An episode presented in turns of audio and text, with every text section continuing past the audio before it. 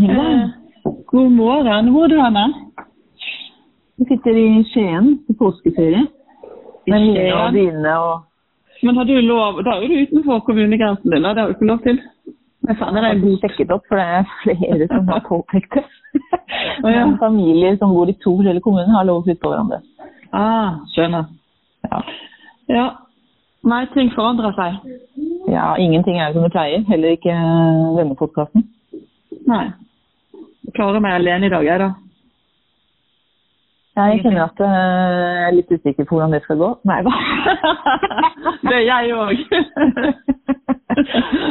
det er jeg òg. Um, Men jeg kommer til å Eller jeg, kommer til å synes det er um, Jeg kjenner litt på at jeg ikke får vært med. Så jeg gleder meg til, eh, til jeg kan være tilbake igjen. Ja. Eh, Men denne pandemien har jo virkelig stukket kjepper i hjulene våre for planen om å, å reise hjem til, eh, til folk, eller ut på arbeidsplassen deres. Mm. Så Derfor sitter du og jeg nå på, på telefon for en liten intro, og Vi finner løsninger. Ja, vi finner løsninger. Det er det som er så fantastisk Mm. med Mm. Vi blir kreative. Mm. Men du skal jo inn i podrommet i dag, Hilde, sammen med en gjest. Yes, det gleder jeg meg til. Jeg har med meg sprit for å vaske. Både mikrofoner og, og bord og alt mulig. Og dere holder selvfølgelig god avstand. Ja, ja, det gjør vi. Vi- Vi kan det nå. Og den, denne unntakstilstanden har jo nå vart i fire uker. Folk, jeg tror folk begynner å bli Jeg merker at folk begynner å bli litt sånn Ja. lei. Jeg, jeg var en tur i Måtte handle noe på lørdag, og det var ganske mye folk uh, ute. Ute og gå, ja. Mm. Jeg ute på, Nei, Jeg på butikkene. Jeg gleder meg. Jeg kommer til å, Selv om du har lagt ned et hjemmekontor i Default, så kommer jeg til å gå innom kontor, kontoret etterpå. Jeg orker ikke være hjemme lenger. Nei, men når det, er så få, så går det jo greit. Ja. Mm. Eh, Men spørsmålet er jo, som jeg tror mange stiller seg, selvfølgelig det spørsmålet hvor lenge vil dette vare? ja, det kommer nok til å vare en stund.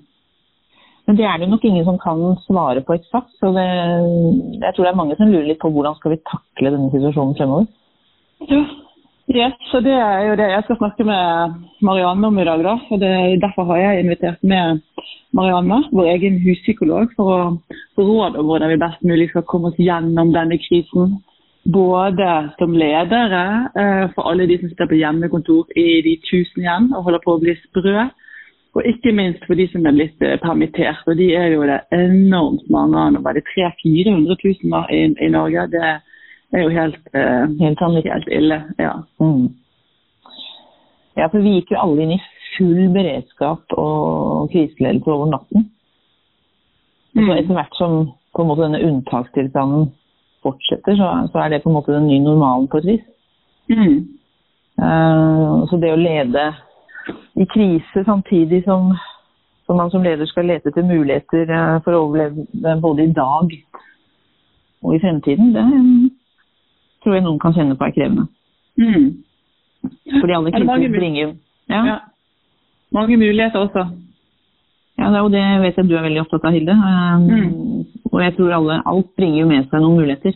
Mm. Ja, nei, og Det er jeg veldig opptatt av. Alle mulighetene i denne situasjonen. Eh, vi må ikke bare se mørkt på det. Eh, så Vi har jo tenkt å bruke momentet til å komme bedre og sterkere ut på den andre siden. Og um, Vi skal bruke muligheten til å, å gå over på digitale løsninger, bruke nye løsninger, bli mer digitale. Så eh, Vi har jo en ambisjon om å være blant de mest innovative selskapene i bransjen vår. Nå får vi rett og slett drahjelp fra korona, så det er aldri så galt at eh, det ikke er godt for noe. Eh, hvis man kan tulle litt med det òg. Eh, korona tvinger jo både oss og kundene våre til å tenke nytt og til å ta i bruk eh, nye verktøy. Og I tillegg eh, så er det enda mer positivt med det. og Det er jo at det er mer miljøvennlig. Vi reiser ikke så mye som før når vi bare sitter på Teams hele tiden. Eh, og vi blir mer effektive. Vi bruker ikke all tiden på å reise heller. Eh, så det er ikke bare, ikke bare svarte natter. Det er mange lyspunkt, og de, det skal vi komme innom eh, i løpet av samtalen med Marianne. De lyspunktene gleder jeg meg til. Eh, og så gleder jeg meg til å høre deg som eh, programleder, Hilde. Ja, det spørs hvordan det går. I will do my very best, Miss Christelle. Ja, det er fantastisk. Så um, du må ha masse lykke til, da. Ja, Så vil hilse. Marianne fra meg. Mm, det skal jeg gjøre. Så snakkes vi senere. OK, greit. Ha det. Yes, da er jeg alene i podkaststudio for første gang. Eh, og det blir rart å spille inn uten Kristel, som er vår eminente programleder, som alltid har eh, lest seg godt opp og er godt forberedt på temaet. Men i disse koronatider så får vi ta ting som de kommer. Så nå venter jeg på Marianne, som er psykolog og seniorpartner i Assessit, hvor hun jobber med mm, lederutvikling og organisasjonsutvikling. Eh, og Marianne var også med i podkasten vår om selvledelse i, fjor. Um, og den er jo mer aktuell enn noen gang eh, nå, eh, uansett hvilken situasjon man er i som følge av koronasituasjonen. Og Det du skal få svar på i dag, er hvordan du kan takle den endrede hverdagen din, den endrede, jobb, endrede jobbdagen din. Og selv om Krisell ikke er her, så skal jeg se om eh, jeg ikke skal klare å være strukturert og komme gjennom et par ulike temaer. Eh, Vi skal innom de permitterte. Vi skal innom selvledelse for de på hjemmekontor. Fjernledelse for ledere. Også de positive ringvirkningene eh, av koronautfordringene vi har, og hvordan de endrer vanene våre og endrer måtene vi jobber på. Så yes, det blir spennende. Jeg tror Marianne er på vei inn her nå, så da får vi snart høre hva Marianne tenker om hvordan vi skal forholde oss i tiden fremover.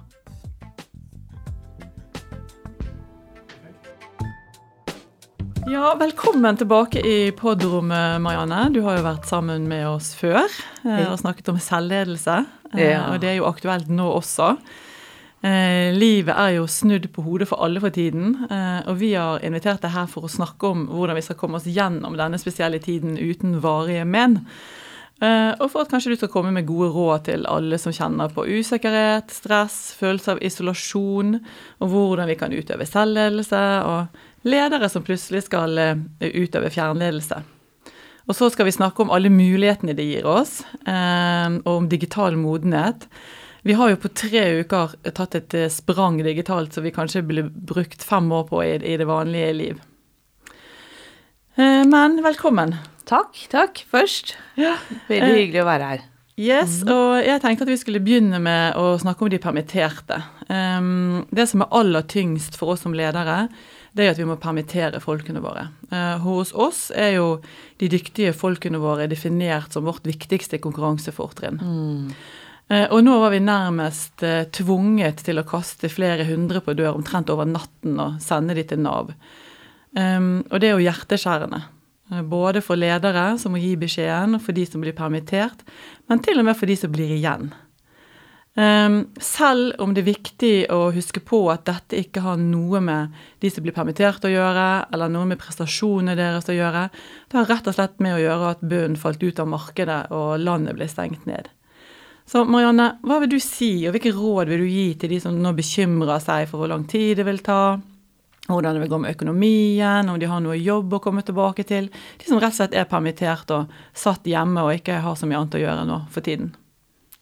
Ja, det er jo veldig relevant. Det er veldig mange som kjenner på det. Så det vil jeg jo først kanskje Jeg kjenner jo på det sjøl òg. Vi har mennesker som blir permittert hos oss, og, og, og vi opplever den usikkerheten og frykten som vi ikke kan kontrollere. Og det er kanskje et av de viktigste nøkkelorda jeg tenker på. Sånn rent mentalt så er jo det viktigste vi kan gjøre i en sånn stressende situasjon, det er å minne oss på at du er ikke alene. Mm. Dette skjer med mange. Det er ikke min feil. Det er ca. 300 400 000 andre nå som er Ja, permittert. vi har aldri hatt en så høy arbeidsledighet på Mm. statistikken i Norge som siden 30-tallet, og det er Mm. ganske spesielt. Så det å faktabasert hjelpe seg og minne seg på at du er ikke alene. Mm. Det er ikke bare jeg som blir satt på benken. Det kan hjelpe å mestre den følelsen som veldig mange sitter på, da.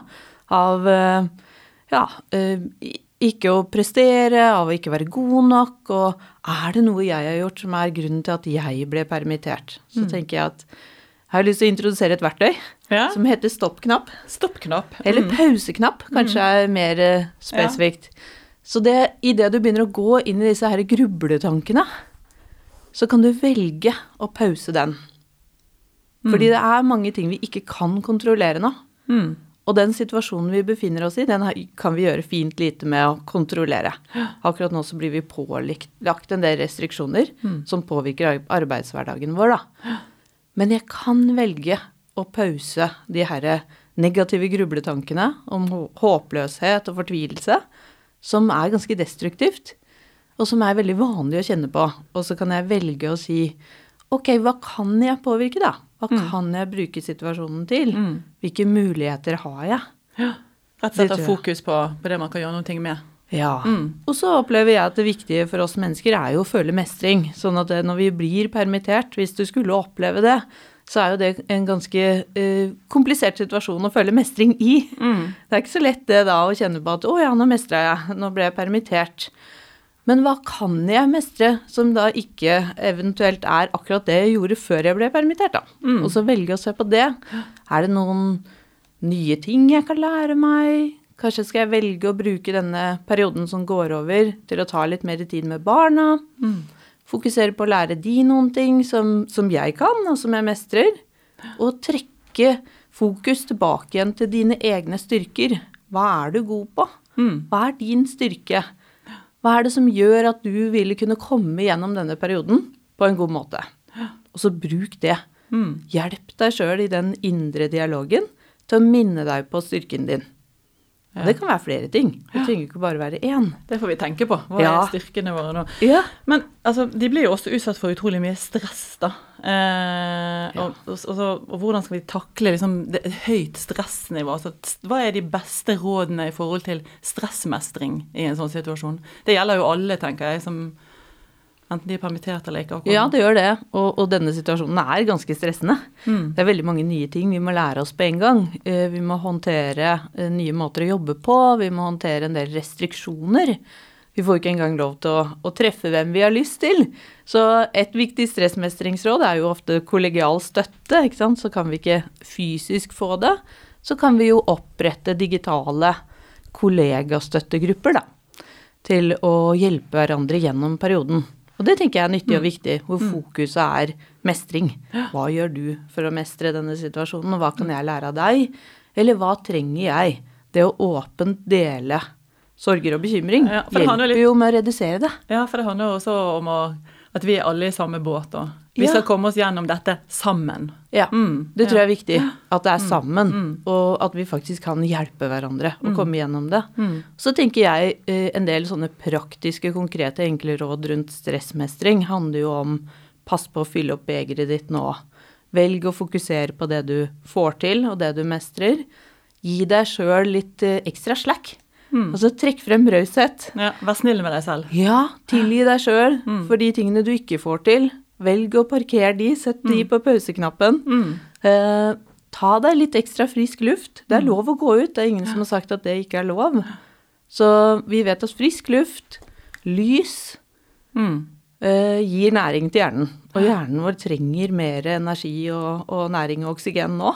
Når vi driver og tilpasser oss så mm. begrensa omstendigheter som vi gjør, da. Da tenker jeg også på det med søvn. Ja. Og søvn er kjempeviktig. Så, eh, og det er så mange søvnråd, så det er liksom vanskelig å ikke legge for mange på, på blokka, kjenner jeg.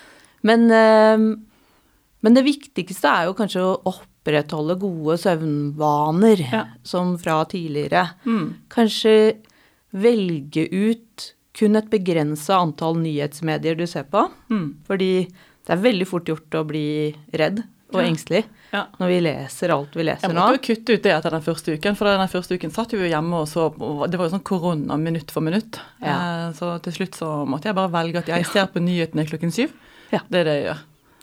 Ikke sant? Mm. Kjempegodt råd. Ja. Så velg den ene nyhetskilden som du vet mm. at er pålitelig, mm. og, og, se på det én gang om dagen. Mm. Hvis det ikke er en del av jobben din, da, mm. å følge med. Ja. Så tenker jeg, eh, Og det å ikke se på det rett før du skal sove, mm. er i hvert fall veldig viktig.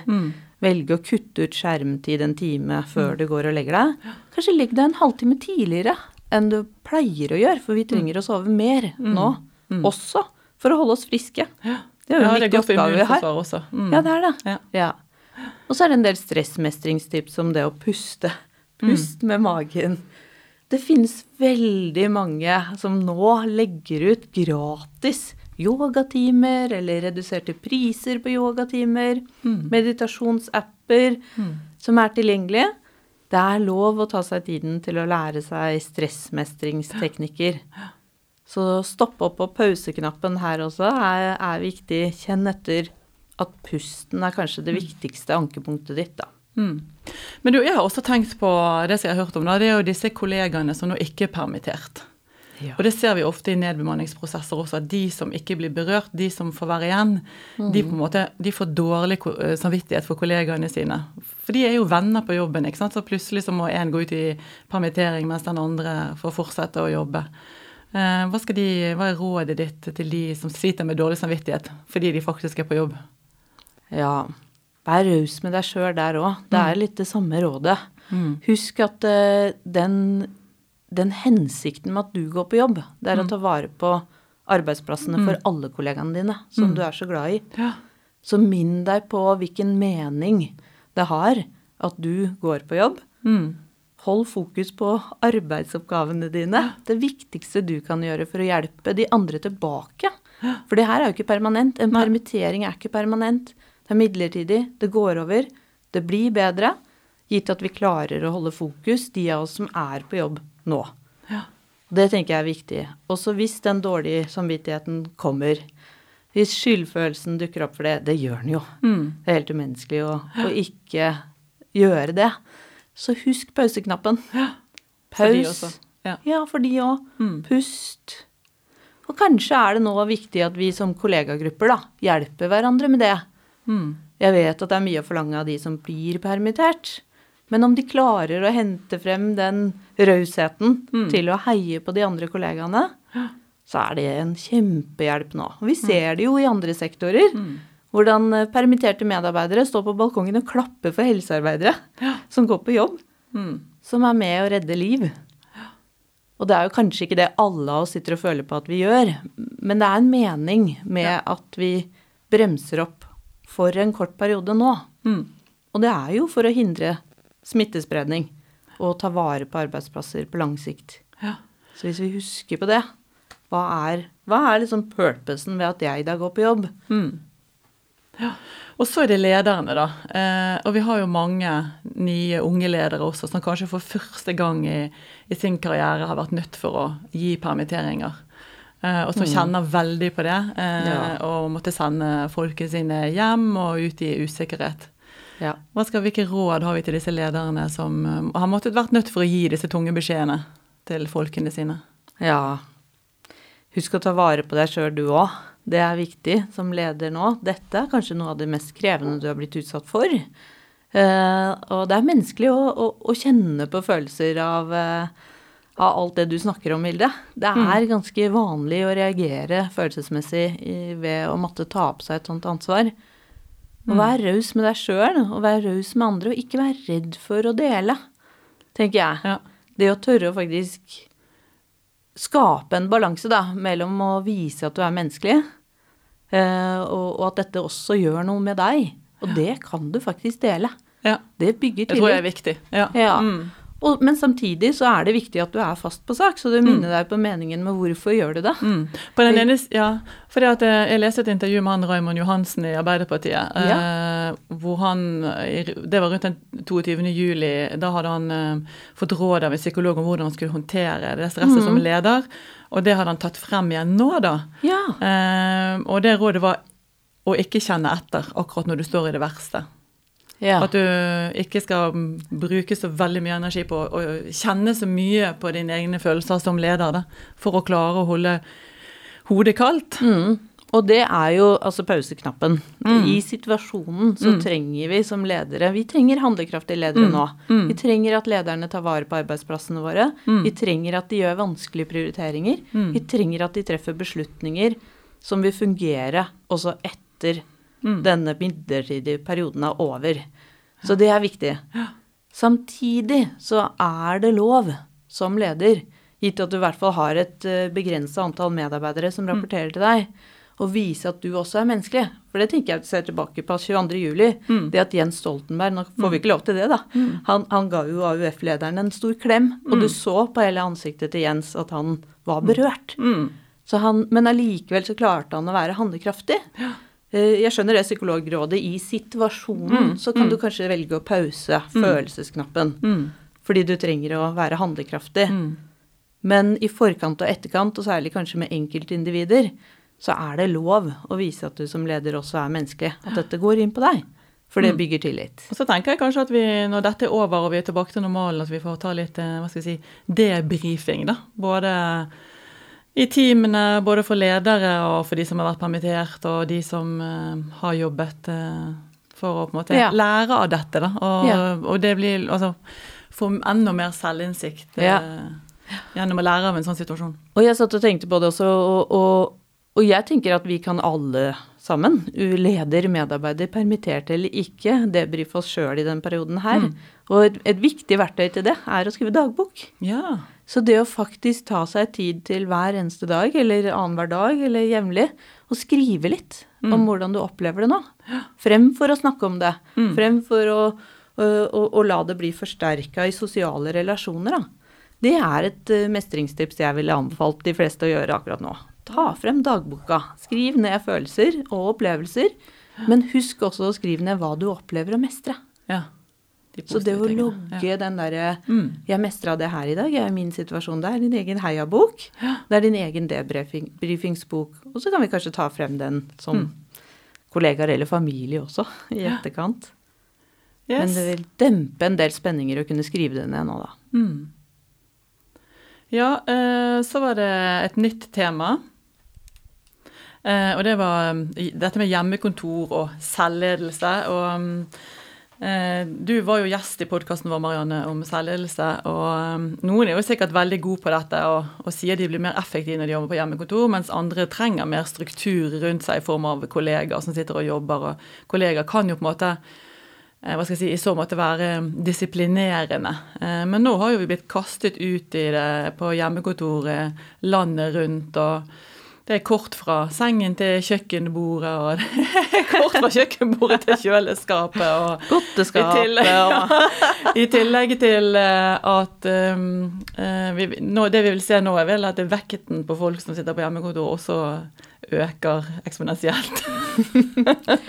Jeg kan håpe hvordan- ikke det, men ja. Det er noen risikofaktorer Ja. her. Er det. Ja, ja. Så hva er dine råd til de som eh, sliter med å være effektiv på hjemmekontor, eller ønsker å være mer effektiv på hjemmekontor? Jeg er veldig glad for at du spør om det. Og det er jo en sånn grunnleggende, grunnleggende felles situasjon for oss alle nå, igjen. Eh, og, og det tenker jeg at eh, det å huske på at eh, vi er alle i den situasjonen her nå. Vi er eh, opptatt av å mestre, og de fleste av oss vil ønske å få til ting i dagens eh, arbeids, arbeidshverdag. Og det, og det er så forskjellig den konteksten vi sitter i, da. Vi er, vi er forskjellige mennesker, vi har forskjellige styrker, vi har forskjellige svakheter. Og det å være raus igjen med seg sjøl nå, det har jeg lyst til å minne enda en gang på det, det er viktig. Det å akseptere at situasjonen er sånn som den er, men gjør det beste ut av det. Igjen, da.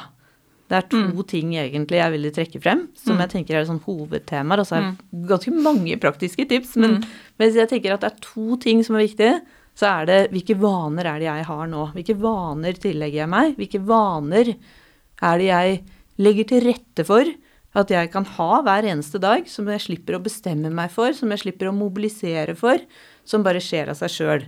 Fordi det vi vet, er at vaner er en sånn motorvei i hjernen. Så det gjør at vi automatisert bare handler på en effektiv måte. Så hvis jeg ønsker å være effektiv i, i dagens hverdag, og det tror jeg at de aller fleste egentlig ønsker, vi ønsker å mestre den situasjonen vi er i, så vil jeg, vil jeg oppfordre til å legge til noen vaner nå som bare som skjer av seg sjøl. Så eksempel så er det veldig mange som går ut og sier behold en vanlig struktur. Stå opp til samme tid. Sett deg ned og skill mellom hvor du jobber og hvor du er. Ta pause. Så hvis du har mulighet til å ha en liksom egen kontorpult eller egen jobbsone som kan være den samme hver dag, så er det en lur ting. Og det å passe på å rydde plass rundt deg og rydde etter hver arbeidshverdag, passe på at du på en måte har arbeidsplassen din, det er jo veldig viktig. Og det er jo en sånn strukturell ting som egentlig er enkel, og som kanskje, kanskje ikke alltid lar seg gjøre. Men så tenker jeg også det å, å være litt raus med å tenke over hvilke oppgaver er det jeg gjør når. Mm. Når er det jeg er mest uthvilt? Ja, det har jeg merket så utrolig godt nå. Fordi at jeg har da Jeg har egentlig visst det, men jeg har ikke klart å etterleve det i jobbhverdagen min til vanlig. For jeg merker jo nå at når jeg står opp, tar en kaffe, eller altså, ja, når jeg er klar til å begynne å jobbe, da, så eh, er jeg så ekstremt fokusert eh, og klar og effektiv eh, frem til lunsj, kanskje. Ja. Jeg får gjort enormt mye. Ja. Så egentlig så har jeg tenkt nå de siste dagene egentlig så bør jeg faktisk jobbe hjemme i to-tre timer med ting som skal produseres egentlig før jeg går på jobb, for da får jeg ikke den roen og konsentrasjonen som jeg får nå. da. Og det er jo fordelen med Ja. situasjonen i dag. Ja, ja. At veldig mange sier det. Ja, men også veldig mange sier også det at nei, jeg jobber mer effektivt nå. Fordi Mm. at jeg blir ikke forstyrra av alle de andre kollegaene. Mm. Og, og de av oss som er mer ekstroverte, vil jo kanskje oppleve det som en veldig sånn eh, å- å- øyeåpner. Mm. At vi er ganske mye mer effektive når vi sitter fokusert og jobber med ting. mm. Og det tenker jeg også, det å tenke gjennom hvor leng- lange arbeidsøkter velger du å ha, da. For de av oss som har små barn hjemme, så skal vi også være barnehagelærere Mm. Ja. og, og, og lærere og alt oppå dette her. Eh, og ungene forstår jo ikke nødvendigvis alltid at eh, nå sitter mamma på kontoret og jobber, eller pappa gjør også det samme. Så her må jeg klare meg sjøl. Eh, og vi kan ikke forvente at de skal gjøre det heller. Så det å passe på å si at nei, men da velger jeg å sette meg ned i 45 minutter og jobbe konsentrert om denne ene oppgaven. Og så tar jeg pause. Mm. Da kan jeg ta friminutt med Ja. barna mine. Ja, for det er jo viktig, den der balansen. Ja, kjempeviktig. Og, og vi klarer ikke å holde konsentrasjonen oppe uh, over mange timer av gangen. Vi blir mer slitne av å sitte foran skjermen.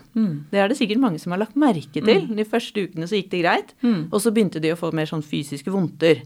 Jeg har snakka med en del ledere på digitale møter de siste ukene. Og de beskriver det. Medarbeidere som plutselig får musearm, vondt i skulderen, nakker, rygg. Vi sitter ikke på de samme kontorstolene som til vanlig. Så det å passe på å veksle mellom fokustid eh, og pauser, kjempeviktig. Og så har jeg en annen ting da, som jeg brenner enormt for i det her med selvledelse. Ja. Og det er uavhengig av hjemmekontor eller ikke, men jeg tror det blir enda tydeligere nå. Og det er det med å lage en liste for deg sjøl om hva er det som reelt er viktige oppgaver å få gjort. Mm. Og være litt strukturert med det. Skrive ned de viktige oppgavene. Mm. Og gitt at jeg aksepterer at situasjonen nå er sånn at jeg får gjort mindre, hva er det da som er de tre-fire viktigste tingene jeg skal få gjort i dag? Og så være realistisk på det. Velg å prioritere de. Skriv de gjerne ned på et blankt ark. Fordi sånn mestringsfølelsesmessig så er det å stryke ut de tingene på den lista, Mm. det er også en, en god stressmestringsteknikk. Da er det mye lettere for oss mennesker å tillate oss å si at ok, jeg vet at det er mange andre ting som står på den lista, men de fire eller tre eller to, det kan være Ja, to ja. store ting òg, de har jeg gjort i dag. Mm. Da kan jeg tillate meg å avslutte arbeidsdagen nå. Nå kan jeg velge å gå ut i frisk luft og passe på at jeg også tar vare på meg sjøl, for at det er en arbeidsdag i morgen òg. Så det er også en sånn god arbeidsvane. Jeg pleier, pleier, særlig i stressende perioder, Mm. så gjør jeg det før jeg åpner mailboksen min. Før jeg setter meg ned og ser på PC-en. For da bestemmer jeg sjøl, Mm. ut ifra hva jeg vet er viktig, hva jeg skal prioritere tida mi på. Og det hjelper. Flott. Det var gode råd til oss eh, på hjemmekontor. Um, jeg tenkte vi skulle hoppe til ehm, det tredje temaet vårt, jeg, som er eh, ledelse, eller fjernledelse. Eh, og det er jo mange eh, og, og nå er jo det også fjernledelse litt i krise for veldig mange. Og det er jo mange ledere som ikke har ledet i, i kriser før. Dette er jo nytt for eh, alle. Um, og en av de første krisene jeg var i, sånn ca. for 20 år siden, tror jeg, så møtes vi jo fysisk i war room, og vi hadde et rom hvor liksom ting ble hengt opp på veggene, og vi liksom eh, Det var veldig visuelt, da, eh, og, og vi var til stede alle sammen. Men nå styrer jo vi alt for hjemme fra kjøkkenbordet. Eh, så Og hvordan utøver man fjernledelse? Ja. Det er jo kjemperelevant, og den situasjonen du beskriver i, den har jeg også vært, vært i. Og opplevd det, og, og opplevd at det å være fysisk i samme rom hjalp. Um, samtidig så opplever vi at noe av det viktigste vi gjør når det er press og krise er jo å være tydelig på prioriteringer. For det er jo det som er, er det, det første rådet. Hva er det vi skal gjøre? Helt konkret, tydelig å prioritere. Um, og så øker behovet for skriftlighet Mm. når det er krise. Så for ledere nå å være strukturert og tydelig Mm. på prioriteringer er kanskje det aller viktigste rådet, og det første jeg ville begynt med. Og så er det veldig fort gjort, da, og når jeg, når jeg har sagt det, så er det veldig, veldig fort gjort at det eneste vi fokuserer på, er det. Det er oppgavene vi skal gjøre, det er målene våre, det er hva vi skal oppnå, det er hva vi leverer. Mm. Og det neste vi vet, at skal vi komme oss gjennom vanskelige og krevende perioder med styrka relasjoner, så er det at vi også må fokusere på det menneskelige aspektet. Så den relasjonelle balansen, det å, å, å sørge for at du som leder skaper balanse mellom oppgaver, prioriteringer og tydelig retning, og er eh, ja, og, og er rett og slett veldig veldig tydelig på hva det er vi skal prioritere, og hvordan vi skal løse det sammen. Og så nummer to, det å faktisk styrke samholdet.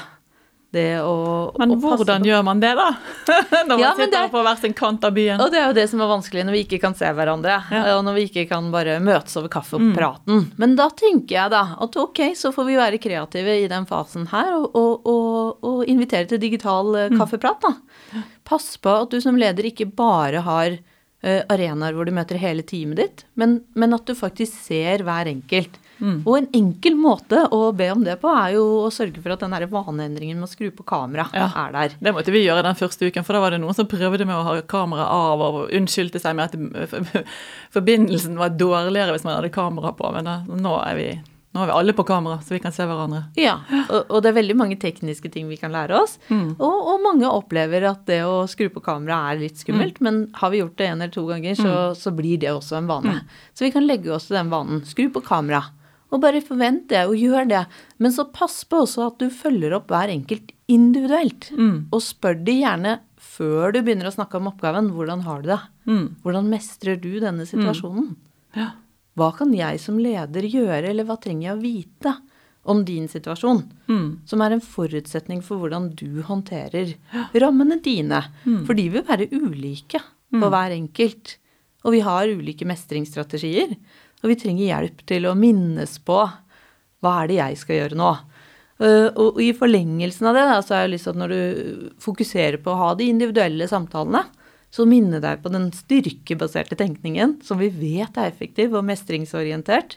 Hvilke ressurser har hver enkelt medarbeider, sånn du kjenner de? Og minn de på det. Hva er din styrkehilde nå?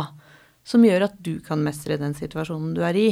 Og hvordan kan vi bygge videre på den styrken? Hvordan kan jeg få frem mer av den? Når er det jeg ser den? Bekreft medarbeidere. Husk at de aller fleste av oss opplever denne situasjonen som ganske stressende og belastende, og vi trenger støtte. Vi trenger en leder som er trygg nok til å ta vare på folk rundt seg, og som setter av tid til å lytte, til å være nysgjerrig, og til å være raus nok til å si at jeg aksepterer at du kanskje ikke er så produktiv nå som du vanligvis er. Eh, men jeg vil at vi skal ha en åpen dialog. Så, så for meg så er det liksom det å, å, å ha kanskje to, to lister, da, og passe på at du ikke blir for transaksjonell, som vi ofte snakker om i ledelsesforskningen, men at du også har fokus på tillit og relasjon. Ja. Så eh, hva heter det? Eh, kaldt hode og varmt hjerte. Ja. Kombinasjonen der. Ja. Mm.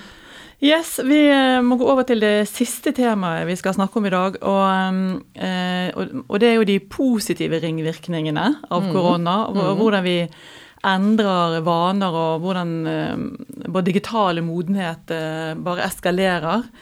Og vi har jo tenkt at vi skal komme mm, styrket ut av denne krisen, og vi skal bli mer effektive. og mm, og, men korona har tvunget oss hjem, og det endrer måten vi jobber på, som vi akkurat har snakket om nå. Eh, vi, så blir vi da altså rett og slett tvunget til å tenke nytt.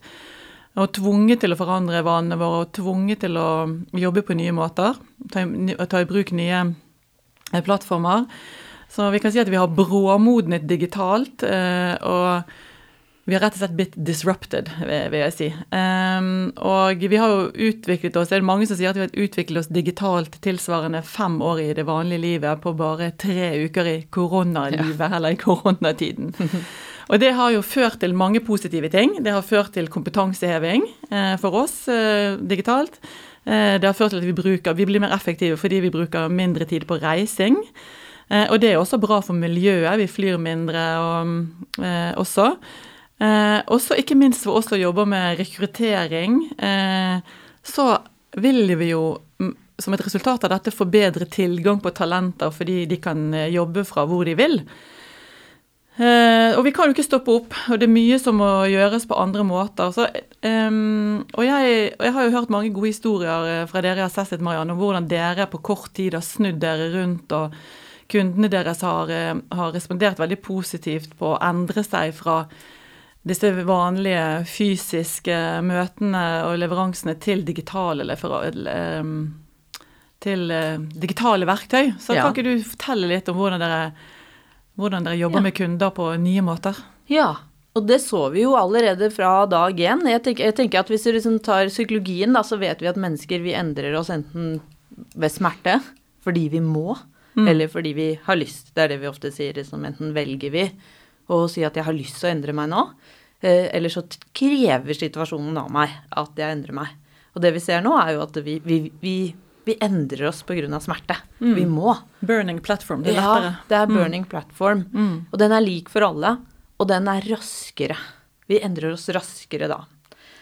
Så det er jo det positive ved situasjonen. Så det å velge som leder eh, å prioritere de riktige vanene, er jo det vi ser at mange ledere gjør. Og det syns jeg er veldig lystbetont når jeg har snakka med Vi i Assessit har jobbet med digital lederutvikling de siste tre ukene. Vi måtte snu oss rundt veldig fort på det området eh, og, og kjøre alt digitalt. Og det vi ser, er jo at veldig mange ledere sier at den vanskelige utfordringen deres, det handler om at de, de klarer veldig raskt å få på plass de her strukturelle endringene.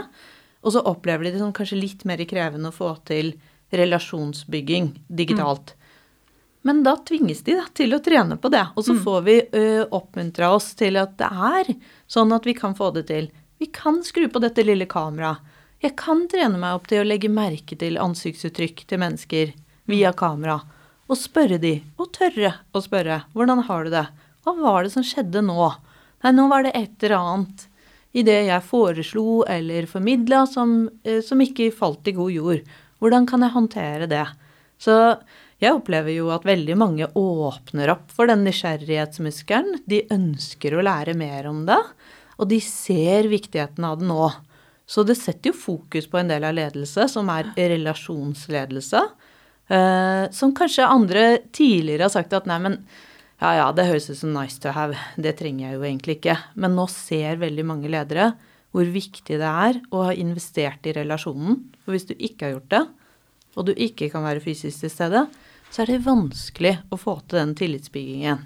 Men Kan ikke du fortelle litt konkret om de kundene dere nå rett og slett jobber med? Dere jobber med lederutvikling digitalt ja. hos kunder som har rett og slett eh, snudd seg fort også? Ja, og vi har jo offentlige aktører som vi har eh, offentlige rammeavtaler med, som eh, er samfunnskritiske funksjoner. Mm. Eh, og de permitterer jo ikke medarbeiderne sine. Der er jo det å løse oppgavene hjemme nå enda viktigere. Mm. Eh, og like viktig for så vidt, men, men, vel så viktig som det var før mm. Eh, korona kom. og da har vi snudd oss rundt og så har vi hjulpet de med kollegalederstøttegrupper som har vært en del av lederutviklingsprogrammet. Mm. Hvor vi følger opp dette med fjernledelse, avstandsledelse og praktiske tips til det. Eh, og fokus der er kombinasjonen på de strukturvanene, men det relasjonelle tillitsbyggingen. Eh, og i Bane Nor blant annet har vi hatt 100 ledere gjennom de siste ukene på da digitale teamsamlinger med dette som tema. Hvordan skal jeg som leder mestre denne situasjonen? Mm. Og de sier alle at de opplever det som veldig støttende. De får utveksle erfaringer seg imellom. De får dele praktiske, gode tips som er knytta til den kulturen Bane NOR bygger. Eh, og de, de, får litt tips og innspill fra oss som veiledere og coacher i en vanskelig fase. Vi har også snudd oss om og kjørt deler av fysiske samlinger som skulle vært med tilstedeværelse Ja. digitalt. Da har vi gjort det at vi har kutta ned innholdet litt, og så har vi prioritert, da, som det beste rådet til ledere i situasjonen her. Og så har vi sagt hvordan kan vi på en annen plattform sørge for å variere metodene, gjøre det litt uh, mer eh, mindre teoretisk, mer praktisk, og det er vi alltid opptatt av. Uh, og, og legge opp til erfaringsdeling og utveksling med pols, med dialog. Eh, rom som virtuelt eh, finnes der ute, og Zoom er et kjempegodt verktøy for det. Så det har vi klart å fasilitere. Eh, tre hele heldagssamlinger i forrige uke. Men det er veldig kult. Men tror du at Tror du vi kommer til å fortsette Tror du dette endrer seg for godt? Eh, tror du vi- vi fortsetter å være like digitale i, det, i det segmentet også når dette er over? Ja, ikke sant. Ja. Og det vi vet, er jo at vaner vi legger oss til nå, de vil vi kunne fortsette med. Og det tenker jeg er en viktig bit å ta med seg som lærdom fra denne fasen her. Hva er det vi har gjort som har vært bra? Hva er det som har fungert? Hva har vært effektivt? Hva har vi fått mer effekt ut av? Eh, Så det, det, det handler ikke så mye om liksom hva jeg tror. Jeg tenker at vi vet at vaner som er blitt innarbeida nå, de kan vi fortsette med. Vi kan velge å fortsette med de, og det tror jeg de fleste kundene kommer til å gjøre. Og så kommer vi til å trenge fysiske møter igjen. Ja. Så vi kommer til å ha en balanse mellom de to, da. Vi gleder oss alle til vi kan gi hverandre en klem når dette er over, og, Ja. og møtes igjen. Um, så hva um, Hvis vi skal avslutte her nå, da, hva er din, Marianne, hva er din um, superpower, eller hva er din eh, styrke eh, nå i, i denne situasjonen? Å ja, ikke sant. Jeg, eh, det er Jeg tenker at det egentlig er to, da. Men det er én som er veldig, veldig intellektuelt nysgjerrig. Altså jeg er nysgjerrig på nye ting hele tida. Så det første som slår inn hos meg, er jo at jeg får lyst til å lære meg en ny ferdighet. Jeg får lyst til å lære meg en digital plattform. Fordi det er viktig for oss nå. Eh, og det gjør jeg. Og det andre er at jeg er veldig, veldig handlekraftig. Så jeg, jeg bruker ikke så mye tid på å gruble. Jeg er ganske rask på pauseknappen. Eh, og så begynner jeg å finne løsninger og, og velger å begynne å gjøre uten å reflektere så mye. Og så va vaneendring er nok eh, det, det ligger veldig naturlig og raskt eh, fremme i pannebrasken min. Um, Og så tenker jeg at det er viktig å huske på det. Hva er det som er din styrke nå? Hva, Ja, hva er din, min- Hilde? Ja, min, jo, det er litt den samme du hadde. Jeg tror nok at eh, handlekraft, eh, som jeg også har vært eh, flipsiden min tidligere, fordi at, ting, fordi at jeg kanskje griper inn for raskt, da, men nå har det vært tvingende nødvendig. Så den handlekraften min, den eh, har kommet til sin rett i, i denne krisen her. Ja. Eh, og hvis jeg skal nevne én ting til, så tror jeg det at jeg, det at jeg er på en måte innovativ eller kreativ, det at jeg kan se nye muligheter, og det at vi utfordrer nye muligheter, nye måter å jobbe på, å bruke dette som et moment til å bli enda bedre, jeg også er en eh, sterk eh, side som jeg har. Ja. Yes, nei, men da tror jeg vi har vært igjennom. Tusen takk, Marianne, for mange gode råd. Eh, pauseknapp, kollegial eh, støtte, skrive dagbok. Eh, ha rutiner på eh, hjemmekontoret. Eh, mange gode tips. Og ikke minst være raus med minst seg sjøl og andre. være raus med seg selv og andre. Ja, veldig da bra. gjør vi det, og så gleder vi oss til eh, en normal hverdag igjen når den enn måtte komme. Takk for nå. Bare hyggelig.